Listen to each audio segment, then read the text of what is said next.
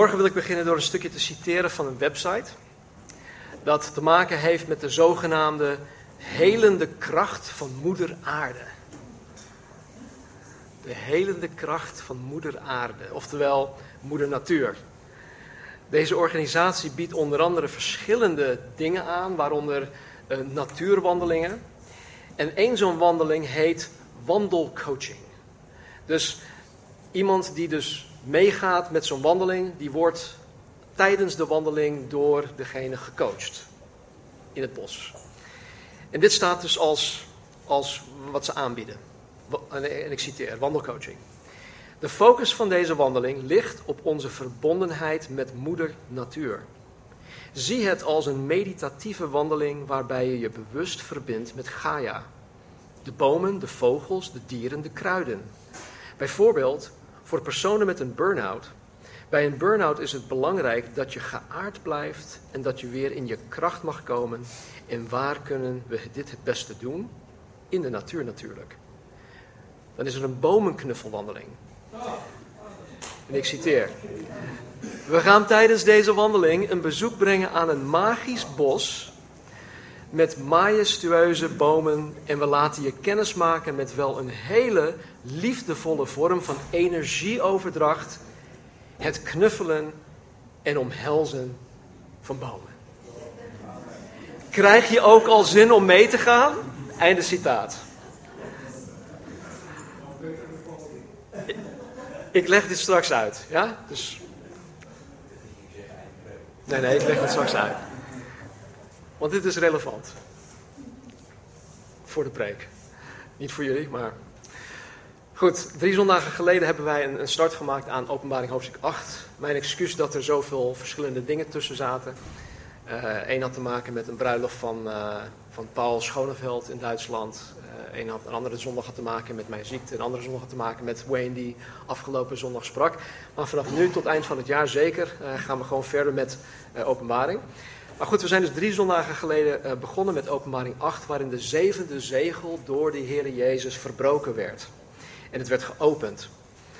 Nou, we hadden drie weken geleden slechts de eerste vijf versen van openbaring 8 behandeld. Uh, waarin we lazen dat er voor een half uur lang totale stilte in de hemel was. Totale stilte. We lazen dat aan een ieder van de zeven engelen die voor Gods troon stonden een bazuin gegeven, werden, gegeven werd. En we lazen dat er nog een engel was die alle gebeden van de heiligen en het reukwerk op het gouden altaar voor de troon van God neerlegde. Vervolgens lazen wij dat deze engel het wierookvat met vuur van het altaar um, vulde en dan het brandend wierookvat op de aarde wierp.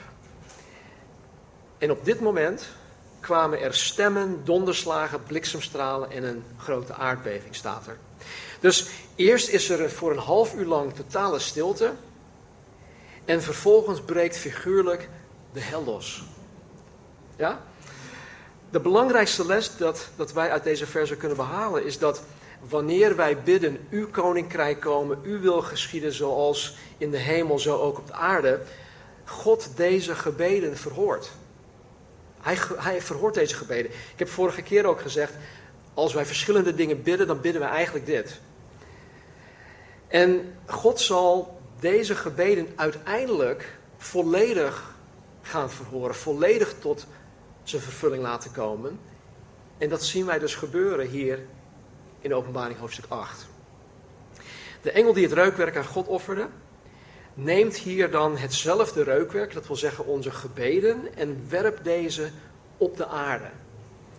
En symbolisch gezien worden onze gebeden op de aarde neergeworpen om Gods antwoord op onze gebeden op aarde uit te gaan voeren. Ja, dus wat wij bidden, dat krijgen wij nu al als wij naar Gods wil bidden.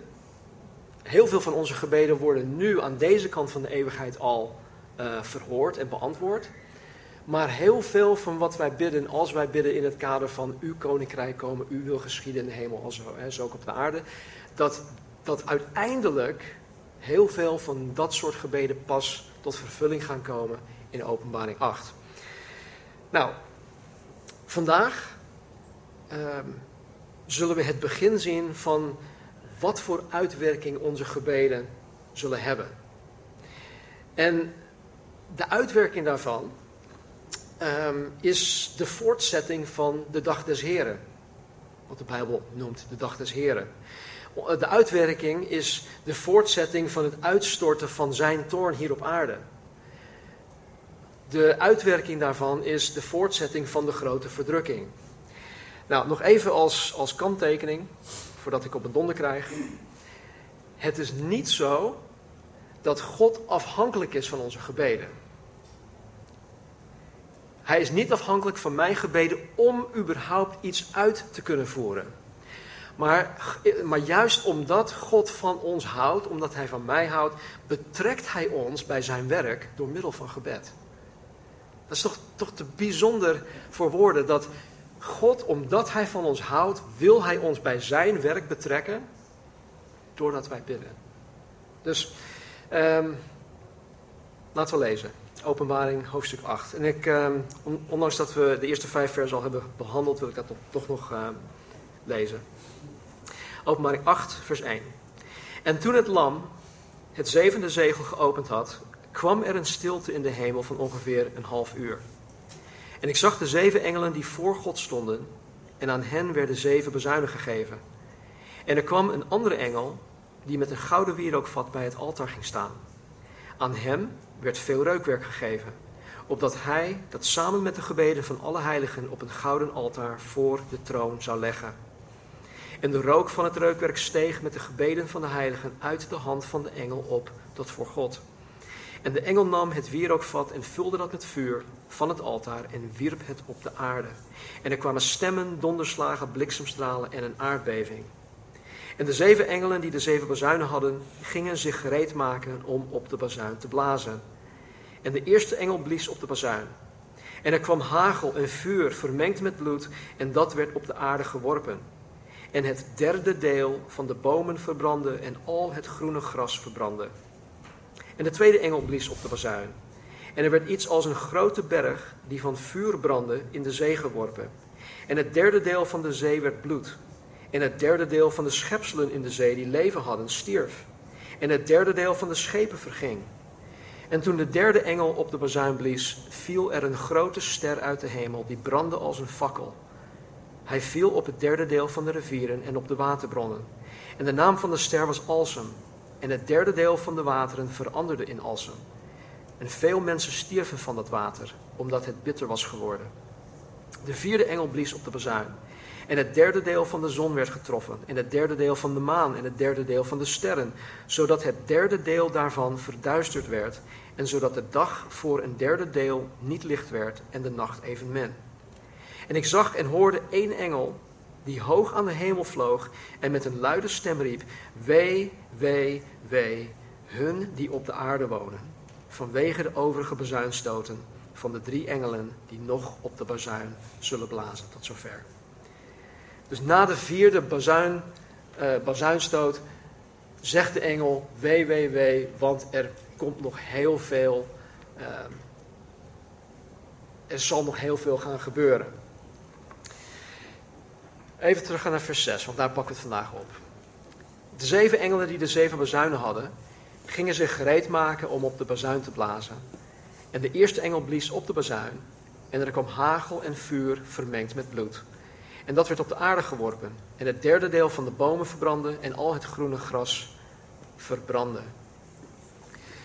Bij deze eerste bazuin komt er hagel uit de hemel en vuur. En niet hagel zoals wij dat nu kennen, van die kleine hageldingetjes, of zelfs in sommige gevallen als het een golfbal. Maar dit is hagel wat heel veel uh, schade verricht. En vuur komt er. En dan staat er, het, komt, het is ook vermengd met bloed. Nou, dit lijkt heel sterk op de zevende plaag dat God uitstort op Egypte. Weet je nog? Exodus hoofdstuk 9. Ehm, de farao liet het volk Israël niet gaan. Dus wat deed God? God zorgde ervoor dat er tien plagen kwamen. Dit is dan de zevende plaag. En uh, de enige dat hier in dit geval anders is, is dat hier de hagel en vuur vermengd is met bloed. We weten niet of er letterlijk bloed op de aarde geworpen zal worden, of dat het net zoals in Egypte het geval was. In Exodus um, 9 staat dat de hagel al de mensen en de dieren die zich buiten bevonden gedood had. Dit had dus echt een, een bloedbad geweest moeten zijn. Dus het kan zijn dat het bloed dat gemengd wordt met hagel en vuur dat is, maar dat weten we niet. Um, hoe dan ook, het gevolg van de neerstortende hagel en vuur was dat een derde deel van alle bomen en al het groene gras op de aarde verbrandde. Ik heb, een, uh, ik heb wat onderzoek gedaan en volgens een artikel dat in september 2015 verscheen, zijn er circa 3 biljoen bomen op aarde. 3 biljoen, dat is heel veel. Dat is, dat is gewoon 3 met 12 nullen erachter. Je zou zeggen van ja, maar hoe, hoe hebben ze dat geteld dan? Nou, het uh, onderzoek heeft uh, twee of drie jaar geduurd. Ze hebben uh, gebruik gemaakt van mensen, bevolking, maar ook van satellieten en dat soort dingen.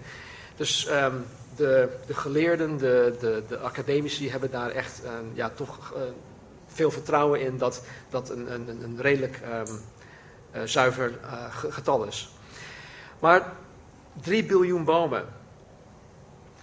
Een derde deel daarvan is dus 1 biljoen bomen. Dat zijn heel veel bomen. De term gras omvat zo'n 8000 grassoorten, waaronder gras, maar ook tarwe en mais en uh, haver en gerst en rogge en spelt en dat soort dingen.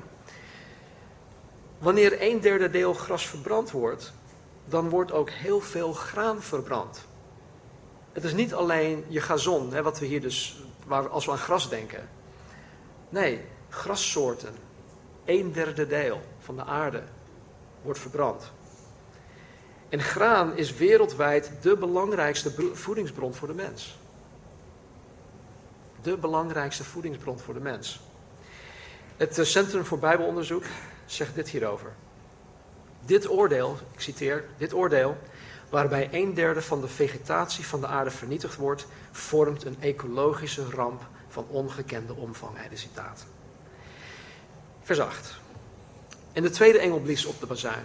En er werd iets als een grote berg die van vuur brandde in de zee geworpen. En het derde deel van de zee werd bloed. En het derde deel van de schepselen in de zee die leven hadden stierf. En het derde deel van de schepen verging. Nou, bij de tweede bazuin werd er iets als een grote berg dat van vuur brandde in de zee geworpen. Dus ik, ik heb al vaker gezegd dat Johannes uh, beperkt is door de menselijke taal. Hij is ook beperkt door zijn referentiekader. Hij, hij, hij, hij, ziet, hij krijgt dingen in de toekomst te zien waar hij totaal geen weet van heeft.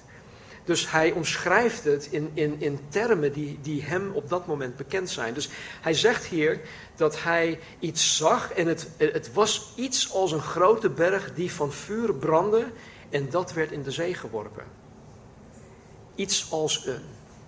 Hij zegt hier dus niet dat het een grote berg was, maar iets als een grote berg. Het kan dus een, een, een groot stuk van een berg geweest zijn, misschien door middel van een vulkaanuitbarsting of iets dergelijks. Het kan ook een meteoriet zijn geweest of, of zal zijn. Het kan ook een asteroïde zijn. Of gewoon iets dat voor Johannes op een grote brandende berg leek. Iets dat daarop leek. Hoe dan ook, dit gigantisch ding brandend werd in de zee geworpen. Nou, wanneer Johannes het over de zee heeft, dan spreekt hij hoogstwaarschijnlijk over de Middellandse Zee, want dat was hem ook bekend. Dat was voor hun de zee. En de, de, de grondtekst uh, geeft dat ook aan. Dus hij heeft het niet over alle oceanen over de hele wereld, maar gewoon de Middellandse Zee. En het derde deel van de zee werd bloed. En dit is ook weer te vergelijken met iets uit, uit Egypte, uit Exodus. Uh, de eerste plaag, uh, of, of met de eerste plaag, veranderde al het water in Egypte in bloed. De Nijl uh, werd in bloed veranderd. En zoals ook in Egypte door de eerste plaag alle vissen in de Nijl stierven, sterft hier een derde deel van alles dat in de zee leeft. Ik probeer me dit um, eh, ik probeer dit te zien, hè, voor me te zien. Hoe, hoe zal dat eruit zien? Denk even aan de omvang van zo'n milieuramp. Denk even aan alle prachtige stranden en alle prachtige badplaatsen aan de kust van de Middellandse Zee.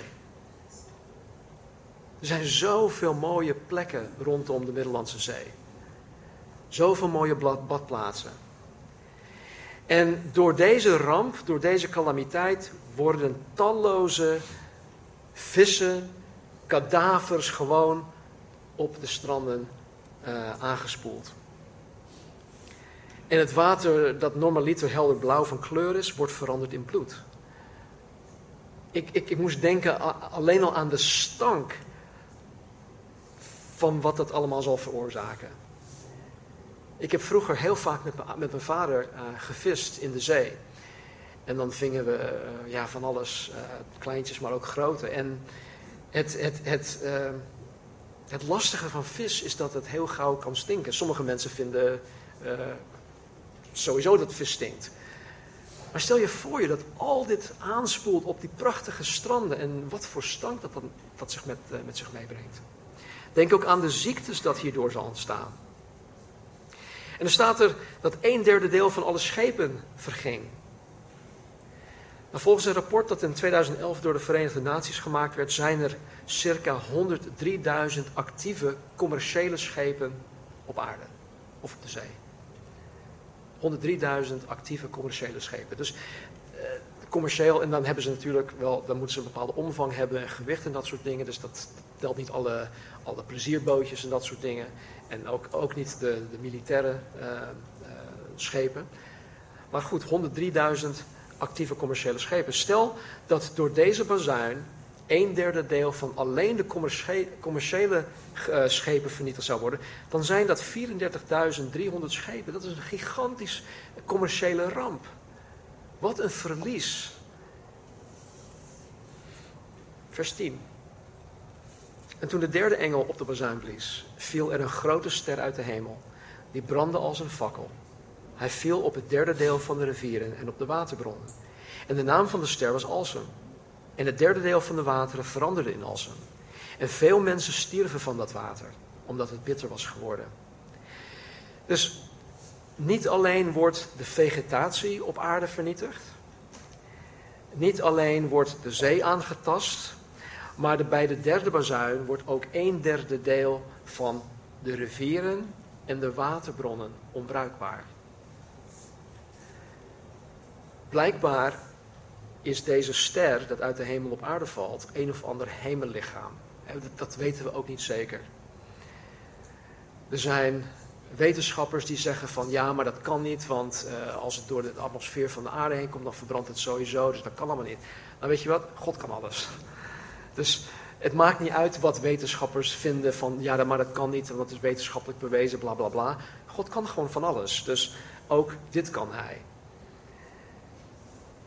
Alleen deze blijkt uit elkaar te vallen, waardoor het terechtkomt op een derde deel van de wereldwaterbronnen of drinkwaterbronnen. Zowel in de rivieren als ook in de ondergrondse waterbronnen. Hoe het daar terechtkomt, weten we allemaal niet, maar dat het terechtkomt, staat hier heel duidelijk. Een van de meest kostbare dingen op aarde is drinkwater. Hier in Nederland merken we daar weinig van. Maar er zijn plekken op aarde waar er gevochten wordt, waar, er, waar oorlogen gevoerd worden om drinkwater.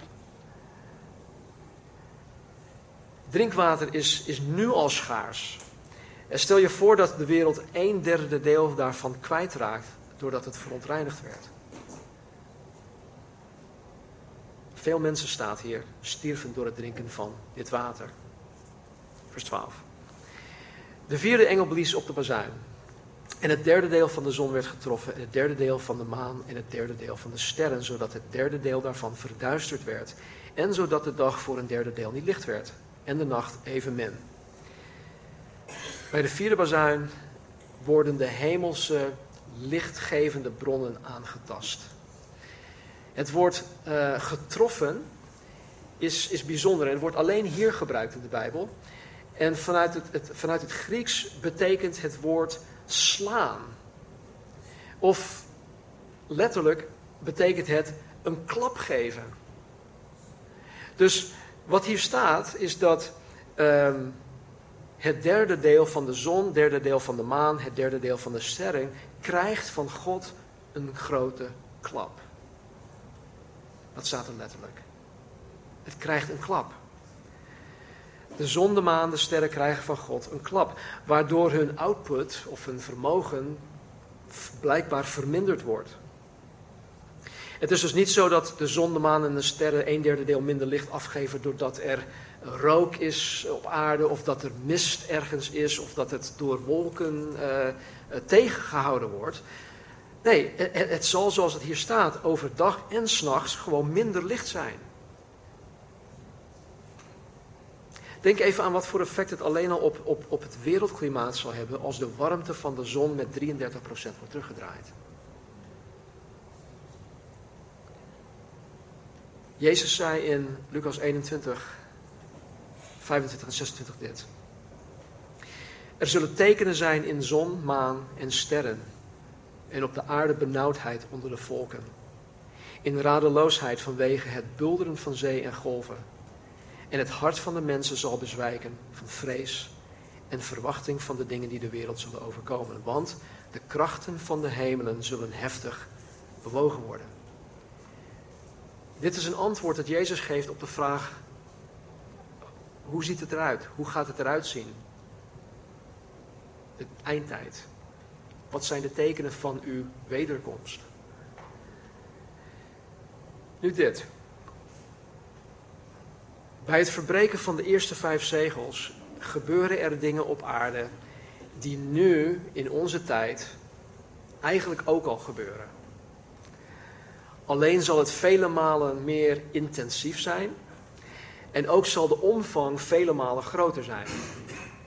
In openbaring 8. Of sorry, in uh, openbaring 6. De politici en de wetenschappers zullen er alles aan doen om deze calamiteiten op een uh, natuurlijke wijze te gaan verklaren. En want ja, ze kunnen niet anders. Ze moeten de mensen geruststellen en de experts die moeten gewoon iets bedenken of verzinnen om het een, uh, ja, een bepaalde draai te geven, zodat het niet bovennatuurlijk wordt geacht. Of als bovennatuurlijk wordt geacht. Maar bij het verbreken van de zesde zegel, einde van hoofdstuk 6, komen de mensen er niet meer omheen.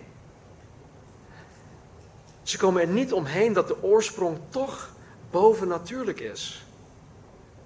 En op een gegeven moment geeft men toe dat de grote dag van Gods toorn aangebroken is. Dat is hoofdstuk 6, vers 17. Maar nu, in hoofdstuk 8, bij het verbreken van de zevende zegel en de eerste vier bazuinen, richt God zich specifiek op de natuur. Op moeder aarde. En dit lijkt totaal niet logisch. Althans, niet voor mij. Want de Bijbel leert ons juist dat God aan de mens geopenbaard wordt, onder andere door middel van zijn schepping, door middel van natuur.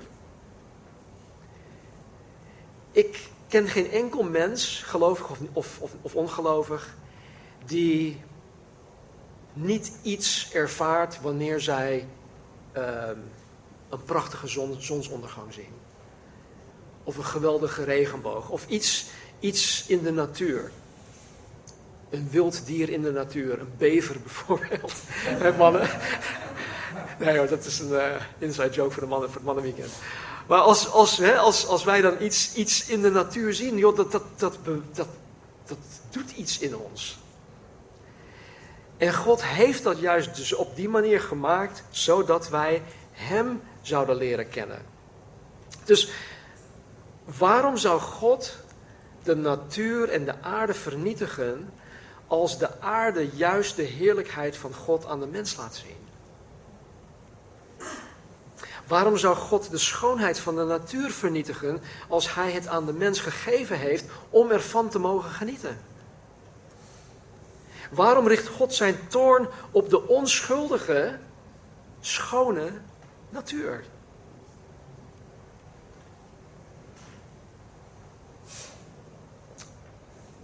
Onder de mensen in de wereld die Jezus Christus niet navolgen, voert de aanbidding van Moeder Aarde de boventoon.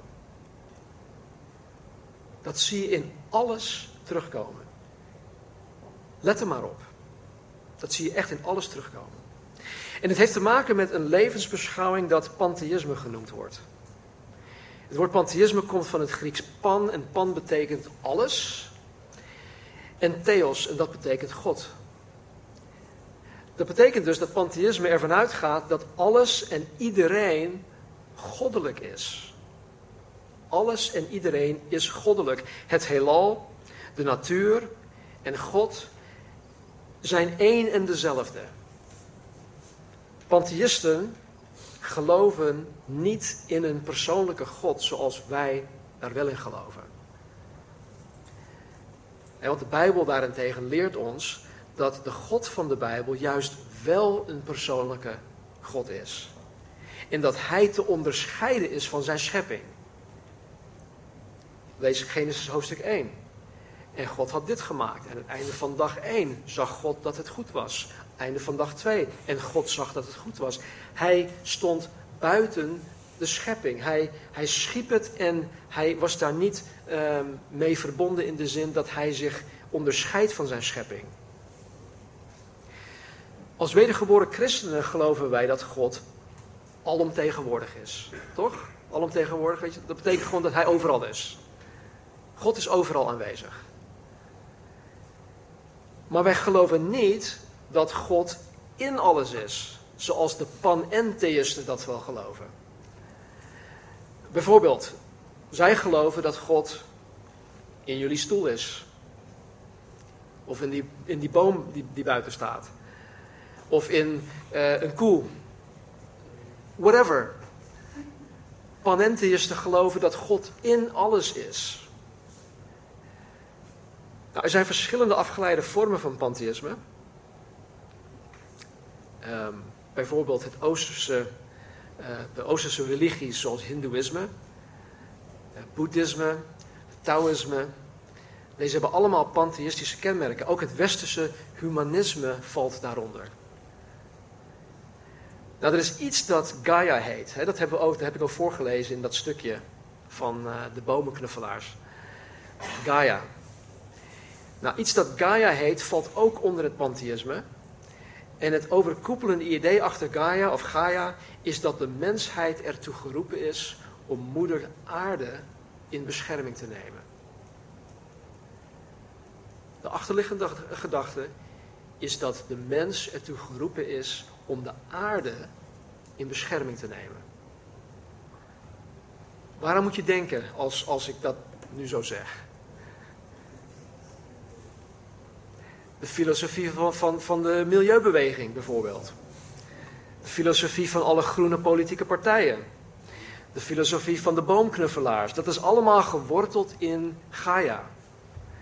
En vandaar dat er zo'n grote push is op dit moment voor duurzaamheid. Kijk, ik heb niks tegen, uh, ik heb er niks op tegen, op duurzaamheid en op, op milieu, uh, dat soort dingen. Maar de achterliggende gedachte is dat de aarde niet het eigendom van de mensheid is, maar dat de mensheid het eigendom van de aarde is. Totaal, het, het, totaal anders. Het tegenovergestelde. En want dit staat recht tegenover wat de Bijbel ons leert. God schiep de aarde en alles op aarde. God schiep de mens en hij gaf de mens, Adam en Eva, hij gaf hun. Uh, hij werd, um, het, de aarde werd aan hen toevertrouwd. Zij moesten voor de aarde zorgen, maar het was niet zo dat, um, dat zij er bestonden voor de aarde. Kijk, begrijp niet verkeerd. Ik, ik ben absoluut voor het verantwoord omgaan met het milieu. Eh, thuis zijn we heel conscientieus om, om ons vuil, dat soort dingen te, scheiden. Zijn heel zorgvuldig in. al ons chemisch afval, batterijen zelfs, dat, dat brengen we allemaal naar de milieu, milieustraat. Maar ik aanbid de wereld niet, of de aarde niet, of de natuur niet. Nee, ik, ik aanbid de enige echte God die mijn aanbidding toekomt. En dat is Jezus Christus en dat is God de Vader. Maar we zien op, op, op alle, op alle socio-economische vlakken uh, dat de mens zich wil inzetten om moeder aarde te beschermen. En weet je, mensen hebben, hebben, er, hebben er veel voor over. Mensen hebben er heel veel voor over om moeder aarde te beschermen.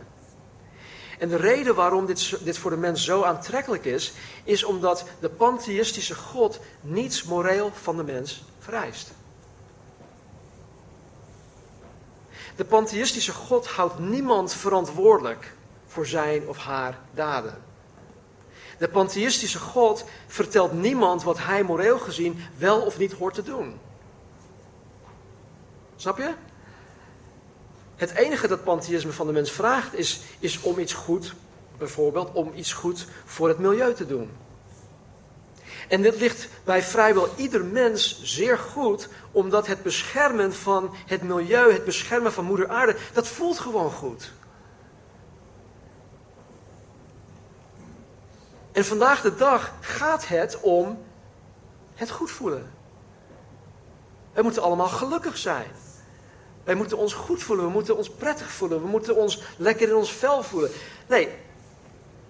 En als ik dan kom met een boodschap van, ja, je moet berouw tonen over je zonde. Oh, nee, dat, dat, dat, daar wil ik niks van, te, van weten. Ik moet juist goed voelen. En daarom, vanuit het pantheïstisch oogpunt, staan wij als wedergeboren christenen de voortgang van hun beweging in de weg. Want Overal waar christenen op aarde komen, Zuid-Amerika, op, op, op veel verschillende plekken waar het inheemse volk nog steeds bezig is met het vereren van de aarde. Bijvoorbeeld de Noord-Amerikaanse Indianen, dat heet dan uh, Amanisme, wat ze aanhangen.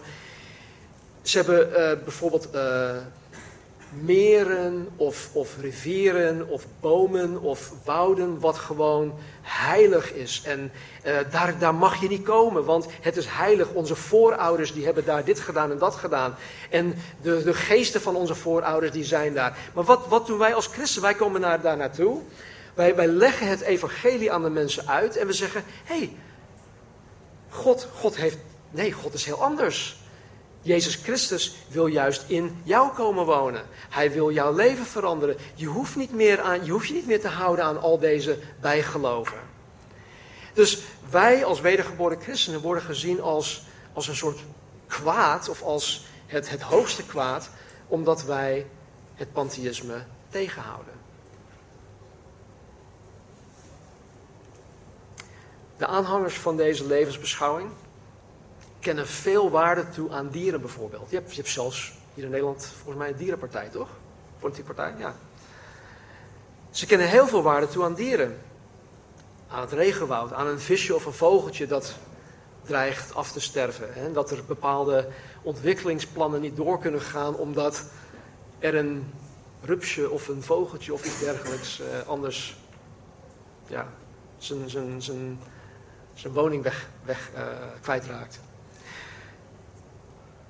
Ik weet niet of, je, of dit jullie is opgevallen, hè, maar wanneer een olifant of een leeuw doodgeschoten wordt, krijgt dit de aandacht van de media.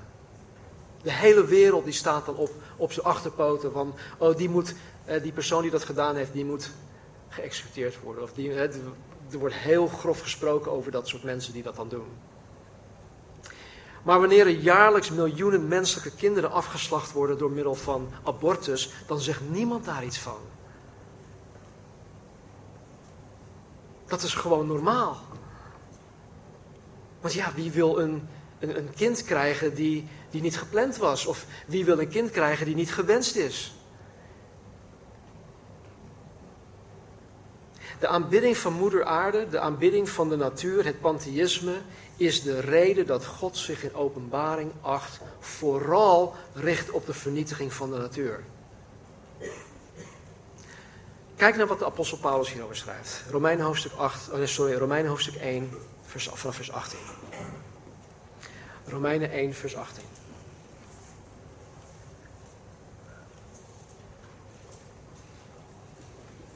Dan lees ik door tot vers 23 en dan ook vers 25. Paulus zegt, we zien duidelijk dat God vanuit de hemel alle goddeloze en slechte mensen straft, die door hun slechte leven de waarheid over Hem in de weg staan. Ik lees trouwens uit het Grootnieuwsbijbel nu. Ja, sorry. Ze kunnen weten wat er over hem te weten is. Hij heeft het hun zelf duidelijk gemaakt. Want sinds hij de wereld heeft geschapen, kunnen ze met hun verstand uit de schepping opmaken wat niet gezien kan worden. Zijn eeuwige macht en zijn God zijn. Te verontschuldigen zijn ze dus niet.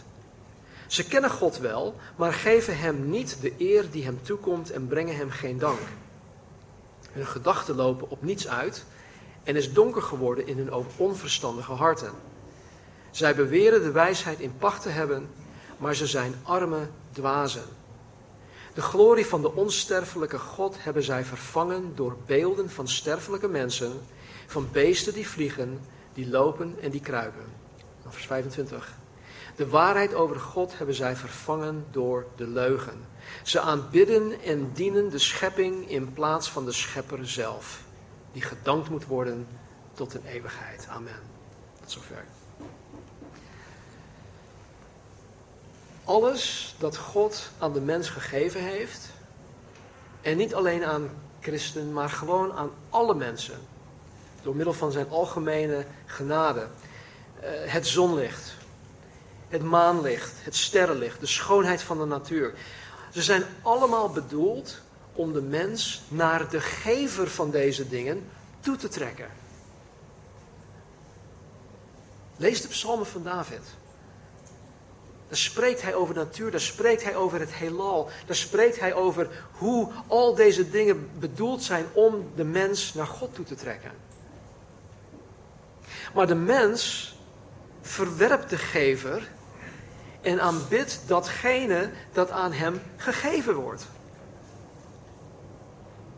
Dus om de aandacht van de mens te krijgen, om de mens alsnog tot zich toe te trekken, zal God datgene dat tussen God en de mens instaat gaan vernietigen. Het oordeel tijdens de grote verdrukking heeft enerzijds als doel om de goddelozen te straffen, maar het heeft als hoofddoel om de goddelozen tot bekering te laten komen. Vergeet dat niet. We hebben, in hoofdstuk uh, eh, 5 en 6 ook gezien dat er miljoenen mensen tijdens de grote verdrukking tot geloof gaan komen. Dus het plan dat God hier uitvoert, werkt. Niet bij iedereen, maar het werkt bij een groot aantal mensen.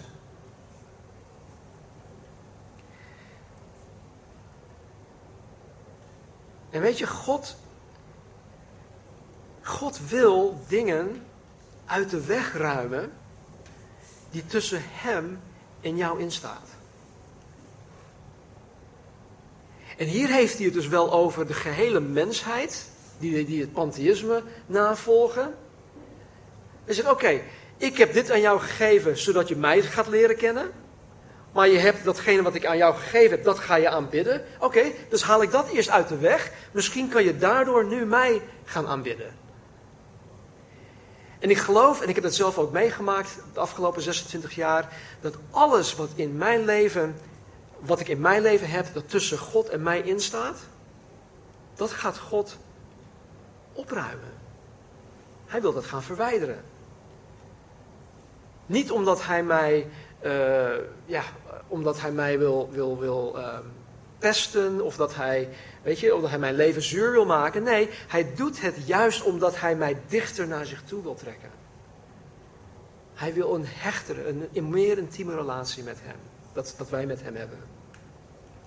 Vers 13. En ik zag en hoorde één engel die hoog aan de hemel vloog en met een luide stem riep: Wee, wee, wee. Hun die op de aarde wonen vanwege de overige bazuinstoten van de drie engelen die nog op de bazuin zullen blazen. Ik kom hier volgende week op terug, op dit vers. Uh, want het heeft ook wat uitleg nodig. Er staat iets heel belangrijks in. Maar de Bijbel leert ons dat God niet wil dat er maar één mens verloren gaat. God wil niet dat er maar één mens verloren gaat. Oftewel, dat er één mens onder Gods toorn zal blijven staan. God wil dat niet.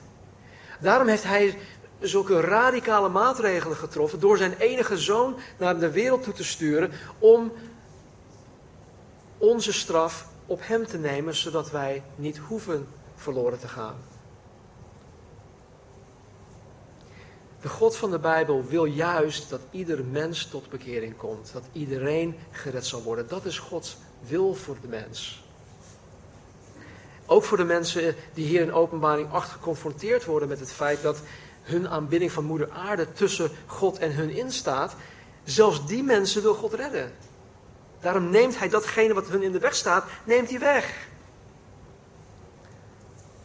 En de vraag is, wat staat mij nu in de weg? Wat staat jou in de weg vanmorgen?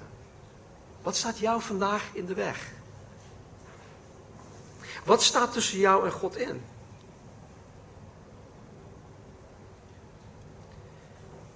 Of wat voor calamiteit moet, God eerst in jouw leven toelaten voordat je je tot Hem bekeert?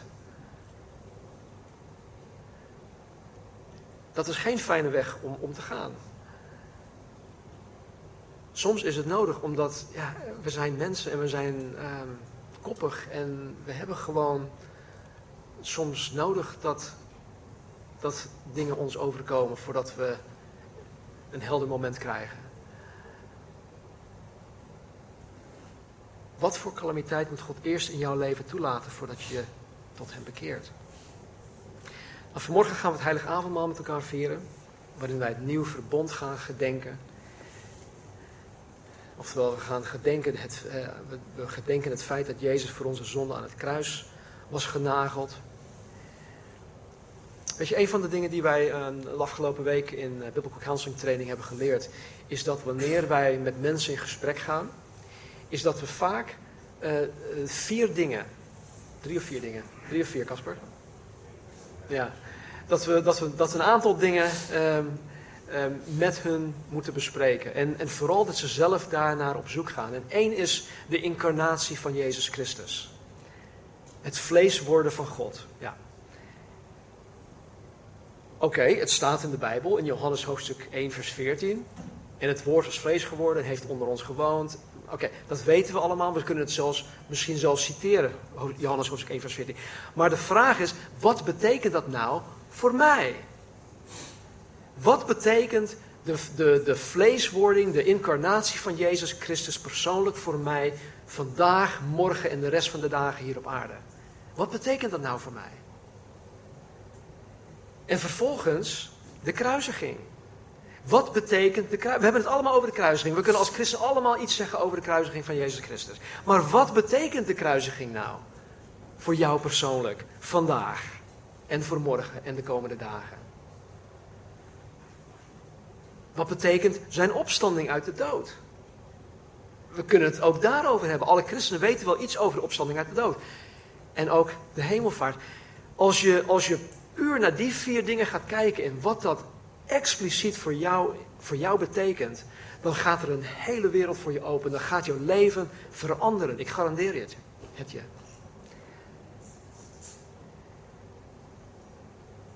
En weet je, vanmorgen gedenken we dus dat Jezus aan het kruis is genageld voor ons. Maar wat betekent dat voor jou? Als je een navolger van Jezus Christus bent, voel je vrij om van de elementen te nemen. En misschien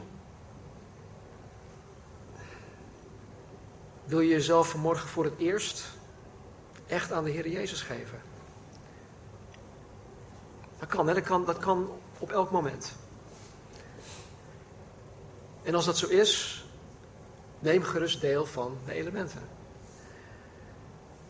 Misschien heb je zoiets van, oh man, ik heb, ik heb het zo verknald de afgelopen tijd. Ik, ik heb echt niet met de Heer gewandeld. Of ik, uh, ja, ik, ik, ik ben een backslider, ik ben afvallig geworden.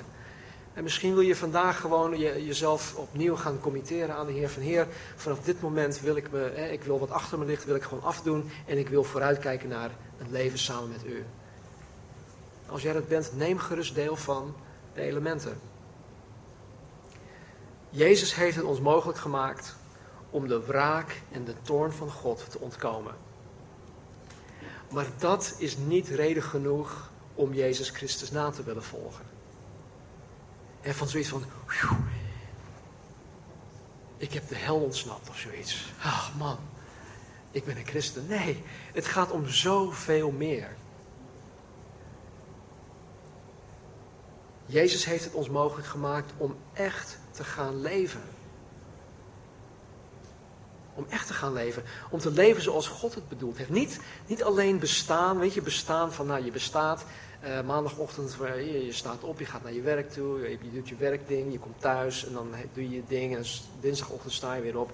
Je, je hebt een bepaalde routine en ritme en je bestaat alleen maar. Je kan zelfs in jouw bestaan, kan je helemaal tot leven komen.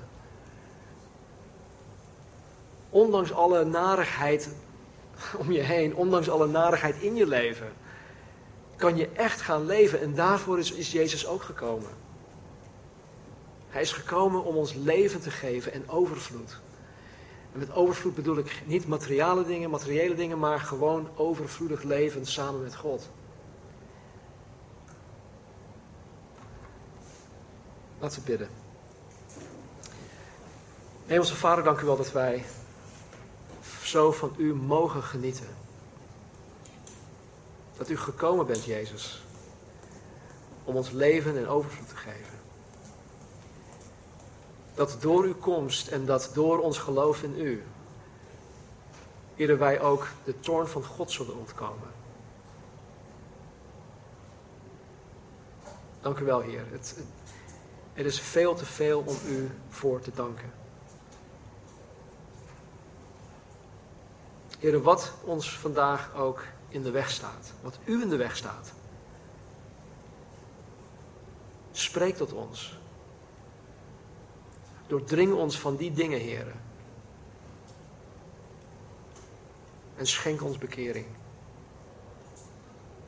Help ons om u te zien in al uw glorie, in al uw lieflijkheid, in al uw genade en liefde en geduld.